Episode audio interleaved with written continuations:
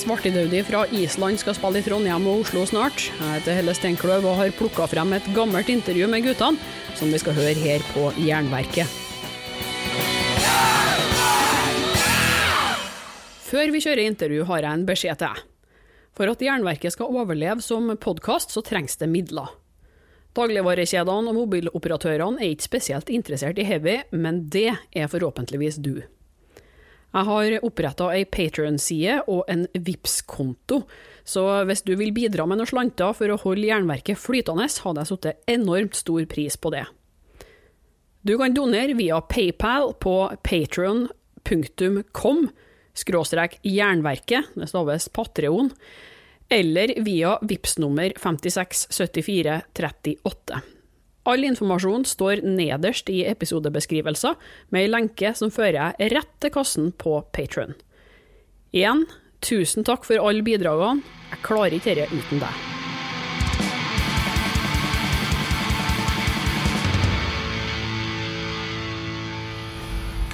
I'm sitting here with uh, Svartidaudi. Maybe you can start by just uh, telling me your name and what you do in the band. Uh, yeah, my name is uh, Sturla. I sing and play bass. And you're not joining in. Oh yeah, good, good. I'm here. My name is Nakwi. I play guitar. Nice to meet you guys. Likewise. So, um, we, we could just uh, start with the beginning of Svartidaudi. You, you've been going on for about 10 years now? Was it Uh, 2002 or something? I think I read that. something like that. We didn't play any shows or release anything till 2006, so kind of uh, just use that year as a rhythm myth.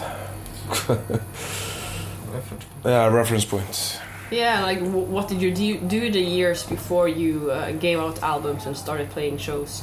Got into trouble. so uh, yeah, just wrote stuff, you know, just being teenagers, I guess. I don't know. Yeah, because you aren't uh, that old, so you've been in a band for quite a big part of your life. Yeah, well, uh, yeah. He's the senior. Okay, but uh, but tell me about the beginning of Svartidaudi. Why did you uh, want to uh, start a black metal band? Uh, how, Uh, how is the scene in Iceland? How do you? there find- has never been any scene in Iceland. Not when we started, and not today.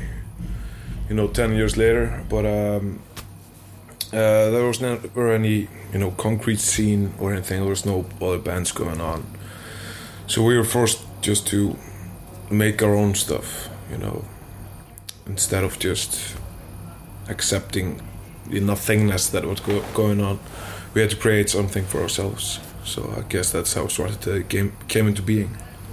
But how did you find each other? I reckon there isn't a big metal stage in Iceland at all. Yeah, um, I'm not sure actually.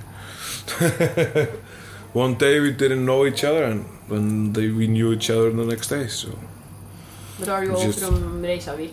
no, area? we're f- Kópavogur, How big is that city? uh, two thousand people. no, 20 20,000 people. Uh, it's uh, Uh, right next to Reykjavik. Yeah. Uh, Ah. just, just outside of Reykjavik. So it's some kind of suburb. Yeah, something like that.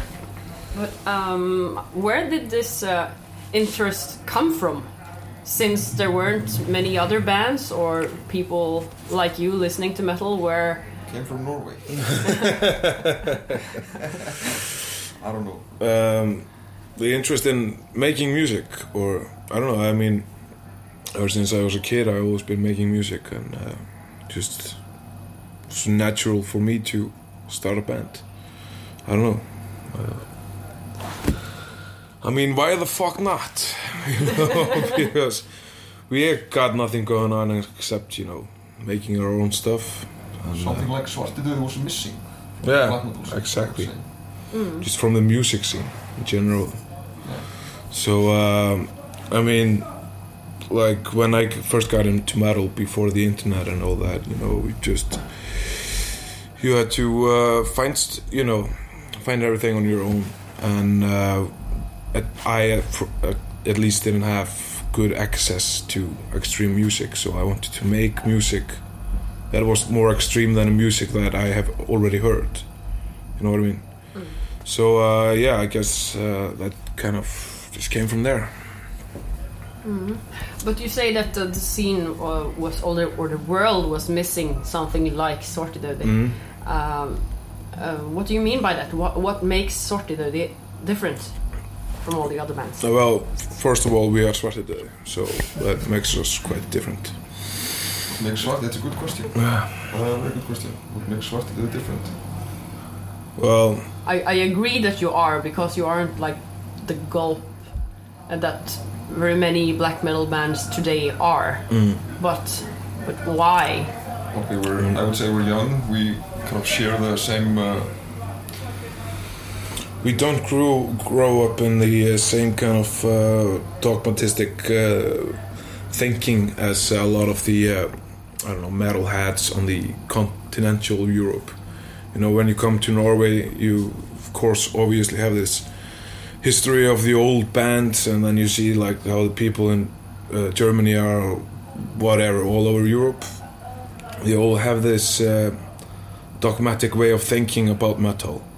Like before they get into metal they have an idea what a metalhead is. We didn't have that.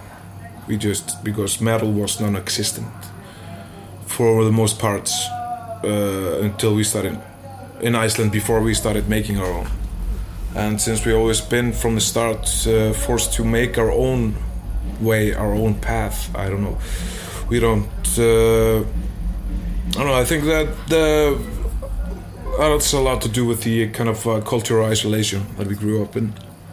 Uh, that we don't have this, uh, we have to sound like this guy or look like that guy or, you know, have a logo like this band, whatever.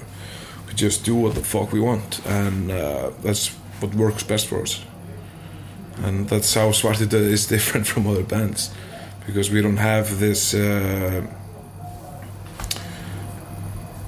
uh, predetermined goal of being that band to sound like Slayer or to sound like Mayhem or Darkthrone or whatever. We just do what we feel like doing, and I think that makes us different from other metal bands.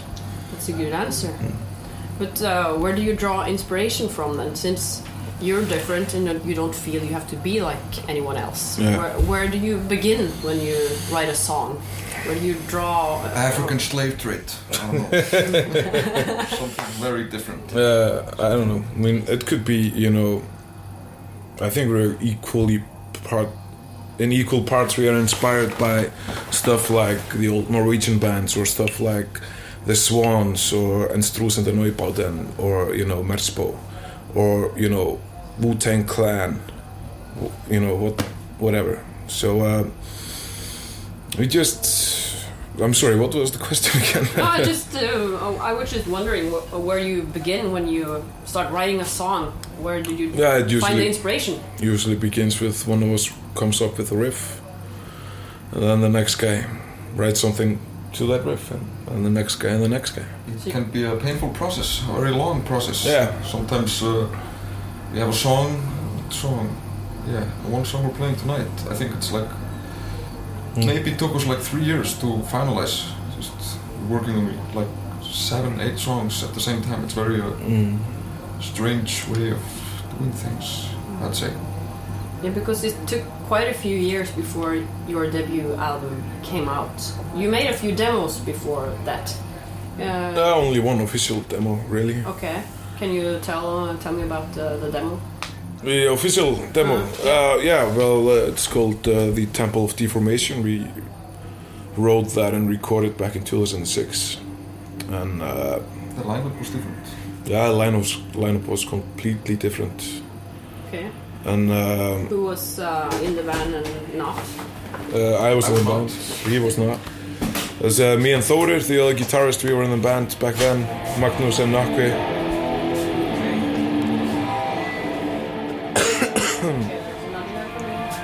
Is the drummer Magnus? Yeah. Where were we? We were talking about the demo from Yeah, yeah, yeah, yeah, yeah. The Temple of Deformation. That's a three-song demo. We wrote it. Contains uh, some of the earliest stuff we ever wrote, and uh, did that on tape back in 2006. Uh, distributed that in a few hundred copies all around the world, and uh, yeah, that's pretty much the story of that. But did people like what they the, they heard? I, I didn't hear about Svartidaudi for until maybe Mm-hmm. a year or a year and a half ago. Yeah, well, the thing is, I think with them we eventually got into Ole's hands. Yeah, well, yeah, he was the uh, Ole from Terratur Possession was the uh, one of the first people to uh, distribute the demo back in the day when nobody gave a shit about us. So, uh, but yeah, I don't know. I mean, we just I think it sold like 500 copies or something, and that is like back in 2006. So we didn't follow that up. We uh, started writing new stuff uh, and getting into more trouble and stuff like that. Then uh, we actually wrote a whole album, which we threw threw away. Oh. What happened to that and why did you throw it away? Well, we recorded most of it, and then we took a few months break. And when we came back together, we listened to it and decided that we can do much better than this. So we just said fuck it and threw it in the trash and took the next yeah took the next uh, two or three years to write the uh, what would become the Flesh Cathedral uh, album. So And then you got in contact with Ole again and you maybe you talked with him all the time because he uh, gave out, out your album. Yeah, he, he released it along with uh, Daemon Worship in the United States. And uh, yeah, I mean, uh, we played in uh, Trondheim, uh, the Nidrosian Black Mass in 2010. Um, well, and there we. It's there. Maybe- I've seen you before. Really? Yeah. Alright.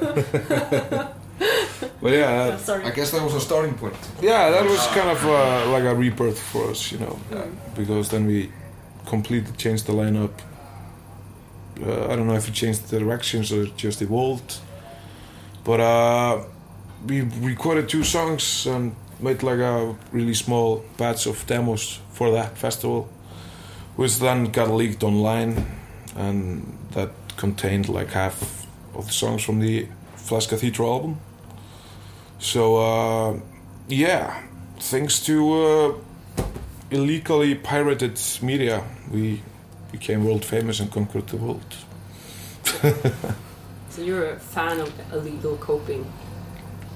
I'm a fan of a lot of illegal things, but uh, yeah, sure, copying, whatever, it's cool. So when did you decide to uh, work with uh, Ole and uh, the American company uh, when giving out?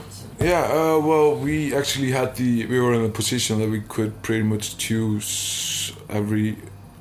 well, You could choose from labels. We had like 15 different record offers Wow. at the time, and uh, you know, a lot of uh, some labels bigger, you know, with deeper pockets than those we choose. But uh, we had been con- in contact with those guys, those individuals for a few years, and uh, we knew them and respected them and trusted them. So we decided to uh, go for it and do the albums through those two labels But how come you got so many offers? You went from because being we're really good. Yeah. It, so it was uh, through this uh, uh, concert on uh, Nidrosian Black Mass and the Well, spread. Not the concert, but yeah, yeah. I think a lot of it has to do with the uh, somebody like putting that demo online, spreading it there. But uh, you know, it's a great demo, so why wouldn't we? Good say. Mm. I think you can um, can reach uh, or you can go a long way just by believing in what that what you do is Yeah, I mean, the if we, best thing in the world. if I didn't believe that Svartidaudi was the best band in the world, I would not be sitting here today. I would probably, yeah, Probably sitting somewhere else. Yeah, in some other band. No, I don't know. but uh, yeah, I mean, you know, if we didn't believe 100% in what we were doing, we wouldn't be doing it. So, you know, there's no point. There's no glory in becoming a known black metal band. I mean, sure, you get a few beers, but uh, that's it. So, uh, do it. Yeah. you've been pa- playing a few concerts uh, lately, so you have to go on tour. Yeah. Or, mm, Well, uh, for us, we're first, first and foremostly a live band, so it's really important for us to play live, more so than to release albums. And uh, so yeah, we've been uh, touring uh, Europe a lot this uh, past two years. Yeah. But since you're uh, mostly a live band, you, you aren't thinking about making uh, any new albums, uh, or are you writing new songs? No comment. No comment. So we Uh, might it, remain, have, it remains to be seen. so we might have a new album next year or in ten years. Yeah, it's some. Depends on if we re, you know record it and throw it away or re-record it. It all depends, you know. Yeah, yeah, yeah. Like but somewhere in the next one to twenty years, maybe possibly a new record. Yeah. Don't you think you will grow tired of uh, playing the same ten songs uh, every time you play it Ten live? songs. The, the The, album only songs? has four songs. You know. Yeah, but uh, maybe the songs you threw away, Alright, if you count them, and the demo. oh no, man, we're never gonna put those songs again.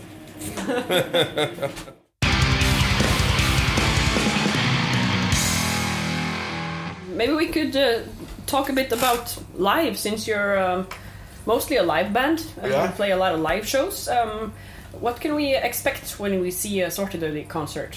What do Uh, you do to make it special? what we do to make it special? Well, we bring our uh, A game, of course. but uh, you know, uh, during live shows, uh, gives us this uh, kind of um, high, basically, and uh, hopefully uh, we can make that contagious, so that the audience can uh, share, you know, this. Uh, uh, communal feeling, you know, this communal high and uh, you know hopefully we manage to uh, alter the audience's consciousness you know to some extent and uh, I, th- I think that's the it's the point with all good art basically be it black metal or whatever that uh, it takes you somewhere else it uh, alters your uh, perception of uh, you know the reality that you're existing in at that moment. So But what do you feel uh, has been or has been your best show uh, until now? What's the best show you've done? Every single one. yeah, exactly. But um, So- uh, yeah, but I guess there are differences between the audience too. Some are maybe too noisy at the wrong parts of Yeah. the music, and some understand it. And sometimes you get a fucked up audience. Sometimes they understand everything. Yeah, I mean, Because, because that's also part of the concert experience, not only what you do, do as a band, because you're always good, as you say, yeah. but what's the best experience for you when you take um, or consider the audience too into it? Well, for me personally, when I see a room full of a few hundred people all moving to the, you know, the beat that we're making, you know, so it becomes like a like a shamanistic trance that everybody is experiencing together. When the audience shares the same uh, Mussolini high as we do, Yeah, uh, things uh, fall into place. But that does that often happen that you, you get the audience in I, the I think trance? so, I think so. Yeah, yeah. It depends on the material we play as well. If it's something that's uh, less known, you know, then obviously it's not gonna get the same reaction. But uh, as far as uh, stuff off the album, always clicks. Yeah. And it's been interesting to uh, once the album was finally released after months and months of delays to actually uh, perform it.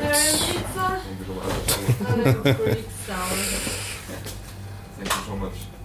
Yeah, to uh, to uh, p- perform the uh, songs from the album. Finally, after it was released, uh, you could see like a huge difference in the reaction you would get from the audience. Because uh, before the release of the album, you know, most people were hearing this stuff for maybe the first time. But now, actually, we sometimes get sing-alongs and stuff like that. So, uh, but I don't know. Uh, we played in uh, Brussels. Uh, what was it? February in the Trojan Black Mass. And apparently there were some people f- actually fucking in the audience, and I think that's awesome.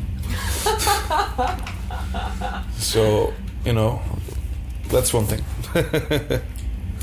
That's cool, but it's also ver- very weird. Yeah, but we like weird, so it suits perfectly. But have you ever had people in the audience that you just wanted to throw out because they didn't take or understand the stuff? Well, we were playing in Switzerland the, sometimes this summer, and there was some drunk guy who always keep falling down and like moving the state monitors, and you know that pissed me off. So I just kicked him in the face. So uh, that's one way to deal with it. And uh, back in the day, because I didn't always play bass uh, for the from like 2010 when I started doing bass along with the vocals. Before that, if I would see something I didn't like, uh, that usually meant a trip to the emergency room for the individual. And uh, yeah, I mean, I just you know, acting is reacting. You know? So it all depends on the situation, really. Yeah. I think it also comes into account that the more often we play live, the better we get. Yeah, definitely. Mm-hmm. And the audience starts to know you better and better, and they know how to react under the the show too. Yeah, could be. Yeah, I don't sure. Mm. I know. Um, I come to understand that you won't talk about anything because this is radio. so you're careful about what you say and not. Do you have anything uh, in particular you want to tell me? That is like not just typical boring interview stuff. Uh, I'm gonna do acid and see Kraftwerk tomorrow night. no, I don't know. But uh,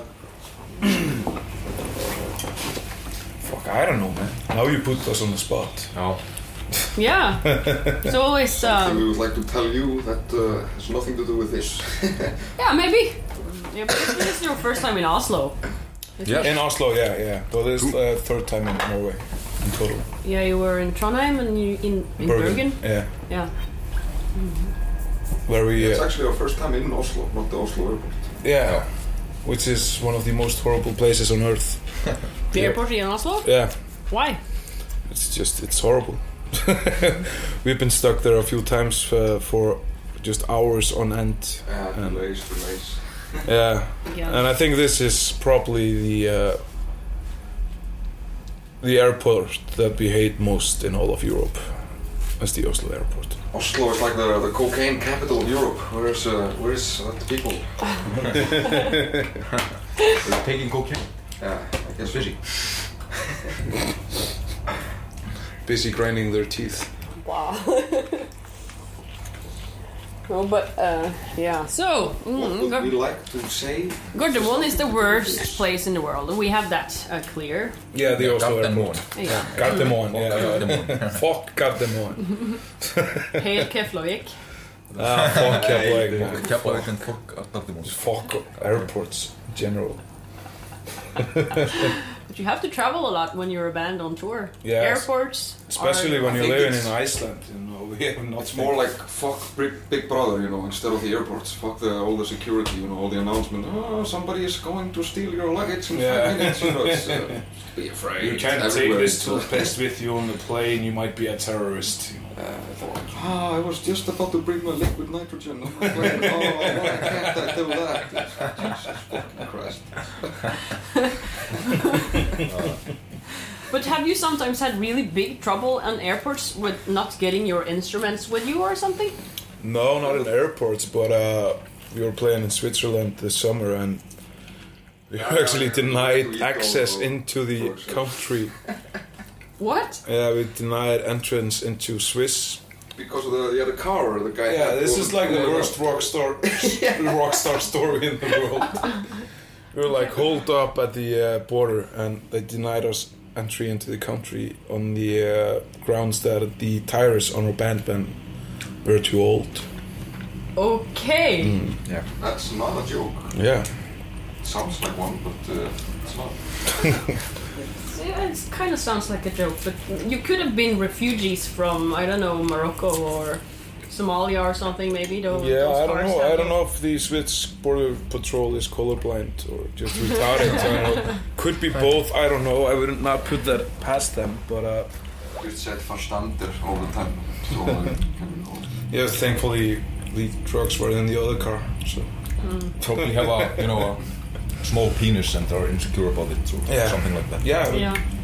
Might be. Uh, that's why they seek out a position of authority over all. Yeah, the exactly.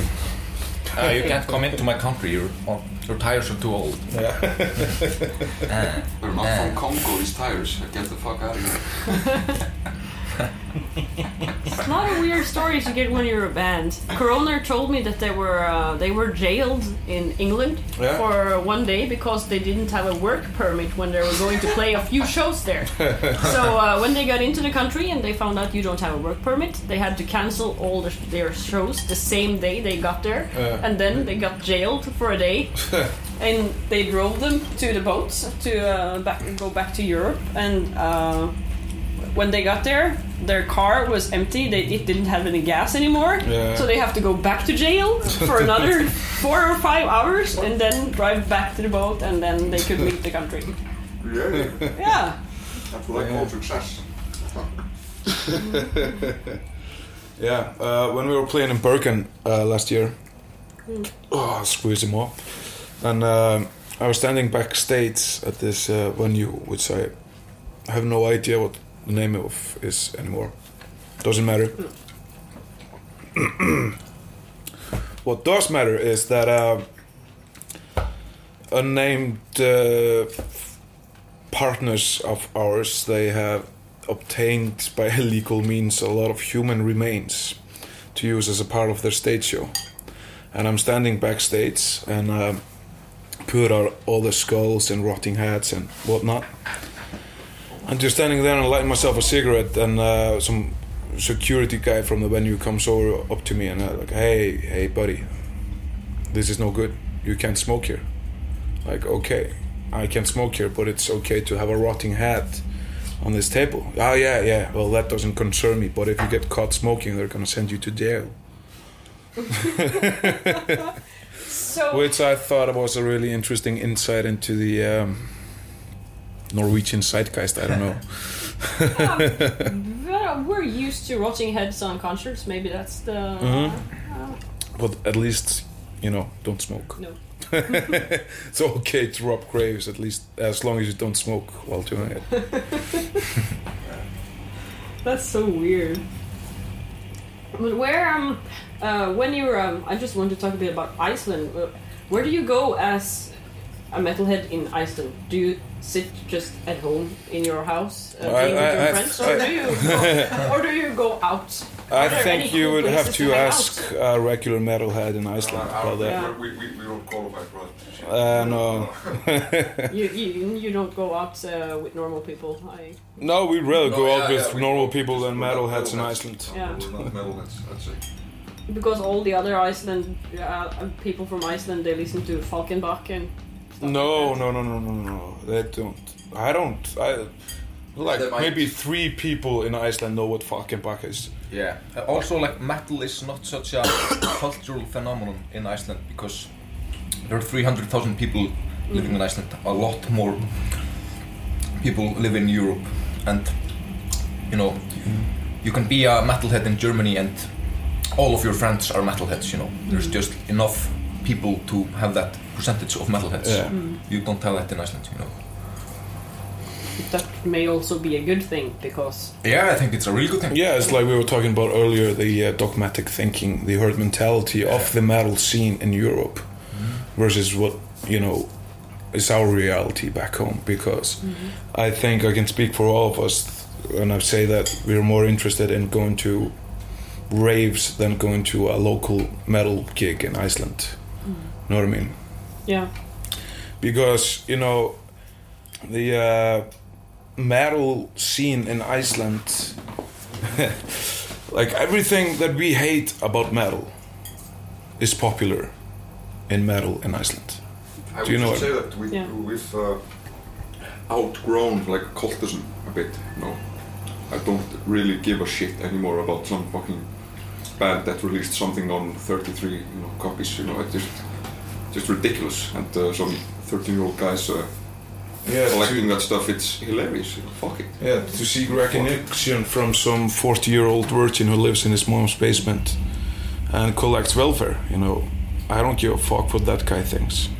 So. Uh, Well, I went to you know, there's one time I could see these fucking German people with uh, patches, you know, like uh, 50 patches ranging from uh, Iron Maiden to like Matane, you know, all over just to seek recognition from his fellow man. Just like all over, you know, made no sense. It's like a cluster of a human being with no sense of identity. identity. Yeah, it's insecurity, I think. It's, uh, Yeah. It has nothing to do with us as individuals. Like, Yeah, exactly. It has nothing to do with us at all. One so thing, we, yeah, we could uh, talk like shit about metalheads. We can talk shit But, about uh, everything. We'll be talking shit about ourselves, like at some to some extent, you know. But uh, But it's still interesting because you have another view on this than than a lot of other people, like the German patch, we have nothing to patchwork lose. mafia. That's- I think we have nothing to lose. That's uh, It's like we were playing at this uh, festival in Germany last year, and like all true rock stars, we were trying to score some weed, and the only response that we would get from the German uh, West crowd was "Weed, that is for false people." It was actually like a sound. We, we found out later, like a sound engineer from the, the Death Cult Festival. He, uh, he told us that we were false people and uh, nigger lovers and something because we uh, just really love weed. like, uh, That's a new one. no, then uh, you know, then I look at it from that viewpoint. You know, he it's a German guy who's been taught to drink alcohol, which is feces, Social feces, feces of a mushroom that uh, feces that the mushroom leaves behind, that make people uh, feel intoxicated. And you're basically just uh, drinking feces, drinking shit. And he's telling me that uh, I'm something that I'm not because of his own insecurities.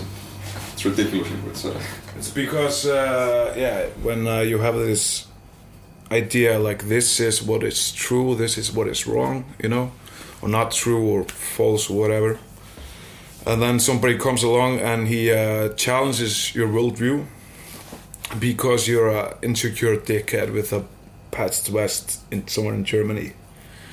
Of course, you're gonna take offense to that, you know, I don't know. because of your Yeah. insecurities, you know. I still don't know what's like a radio friendly of the stuff we're saying, but I can. yeah, um, just, uh, if it's okay for you, I can play anything. Yeah. I don't care. I, No, no, I I'm do just- not I'm saying- censor it if you don't want me to censor it. I won't. I don't No, I- Fuck I'm- censorship. Yeah. Yeah, fuck censorship. I'm not saying that I wouldn't. Uh, I'm not saying I'm not uh, really meaning the stuff I'm saying. I'm just saying that maybe this is not for the. So the 13 year old guy who's like, hey, what did And he reads a lot like, uh, oh, those guys, they're uh, completely different from what I would have thought. You know, it's. Uh, No, Bunch of but- But then again, I don't really give a shit. No, the, 13 year old should learn that when he's young instead of going in the same Yeah. um, trap Yeah. as everyone does. Because when you're 13, you are insecure, and y- you will, uh, you want that patch vest- vest because all Yeah. the big guys have it. No, You you don't well, learn to think gonna call it. as an individual before you are like 25, maybe. Yeah, definitely. So it's okay to tell a 13 year old all this. me out. And I think that more metalheads, if you can call it that, in general, should think a bit outside the box. Exactly. There is one thing that I absolutely hate about the whole metalhead thing.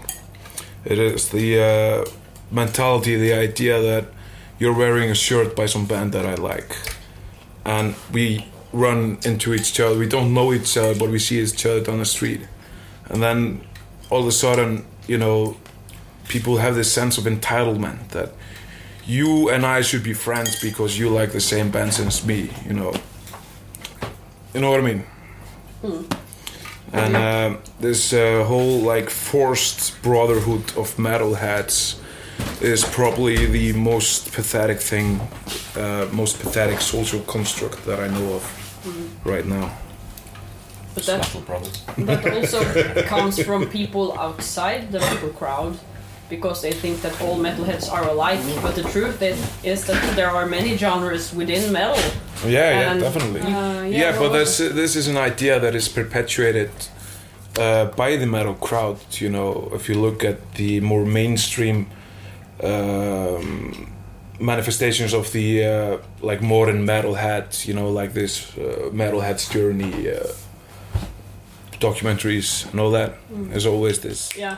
forced sense of brotherhood and you know camaraderie. You know that uh, just because you have the same Slayer LP as me, that you are, we are. I am now entitled to your friendship and uh, your ex- respect. Uh, it's something like saying metal is uh, supposed to be about unity and Yeah. individualism at the same time. You know, Yeah, you're trying to see yourself as an individual within a group of other individuals that are all, you It's- know, uh, experiencing Yeah, yeah, themselves yeah, yeah. as the, you know. It reminds me of this uh, like this comic strip I saw some years ago with all these goth kids standing around, and they all say in unison, "We get matching tattoos to express our individuality." I think that's like the uh, the core of the uh, this forced sense of brotherhood thing It is. and the metal crowd. You know what I mean? Mm-hmm. And I guess also that, that you as a band feel it even more because me, even more people want to be friends with you because you are Yeah, known. yeah, yeah, yeah. You are you are stars. People are fans. Yeah, we have this, you know, as musicians who play festivals, you know, uh, popular festivals, whatever, that uh, we have this social status as uh, as something bigger than we are in reality. Because in reality, we are just uh, four scumbags from Iceland who like good music and metaphysical philosophy and uh, weed. you know, but uh, yeah, I know. I don't know, man. It's uh, it's irritating. I mean, it's uh, it's nice to get like good show, you know, great record, whatever. It's nice to get that pat on the back, but it's something that we can live without. And like uh, when it, it becomes intrusive to your uh, personal space, know what I mean? Then, yeah, I would like to keep a certain distance between myself and Yeah, the regarding the- consumers. Yeah, regarding pats on the back, I think uh, just have to say this because uh, the reason, the sole reason Homo sapiens talks to each other, have has conversation, is to uh, uh, upheave the ego, and the ego kind of uh, resembles uh, the false self. You understand what I'm saying? Uh, construct itself. Yeah, yeah. So people should choose their words more carefully. Every individual And on by this the way- planet. Yeah. And we, by the way, released the backpacks the other day. It would go great on your denim vest, so you should buy it right now. So you can't record my thumbs up, Only but if uh, you're 13. if you live in Germany, you need that backpacks now. I always appreciate it more as well when people tell me that maybe we didn't do such a good job after a show. When somebody has is man truth. enough to uh, come up to me and say something else than hey man, Yeah, yeah, what a yeah. great job you did. Then But what do you say uh, when someone says that your show wasn't that good, since you're the best in the world? well, then I have some. well, you can't be the best in the world unless you work it. You know, Yeah. you, unless you work on it. Mhm. So if Work somebody points something out, then I have something to work on, and Yeah. the next show can be better. Exactly. Always strive for perfection, you know. Because if you don't if you don't have a higher goal to strive for, you then you're gonna become stagnant, both as an artist as and as a human being. So uh, Please tell us that we suck. yeah, have the decency to tell us when we suck. clear message. But um, uh, this all makes a lot of sense. But still, I'm thinking uh, you are also probably um, fans of some bands Yeah. out there in the world. Yeah. Would there be any bands where you, uh, if you met them, would be really starstruck and like this uh, German uh, German fan, like being, oh my god, I love you this show and Yeah, I mean, if Michael Gira from Swans would walk into this room right now, I'd probably go all like giggly schoolgirl on him. But uh, That's funny because I would maybe think he was here to serve me food. So you know, you know we have this. Uh, yeah, yeah, so, but uh, I don't know. I mean, no, I don't. I don't know. I haven't been starstruck yet. Oh, I was starstruck once when I met David Lynch, but uh, apart from that, I think I've never been starstruck. So hard to say. I've probably been starstruck many times, but I don't know. Definitely some. Yeah. Yeah. But I guess, you know, they aren't so different from us. We are all Anyhow. human Yeah. beings. We're all the same. Exactly. And everything we do are from egoistic reasons. Exactly. Yeah. It's true. But we sh- at, should at least be honest about our narcissistic and egotistical. Uh, Sentences. Du har hørt et intervju med Svartidaudi fra 2013.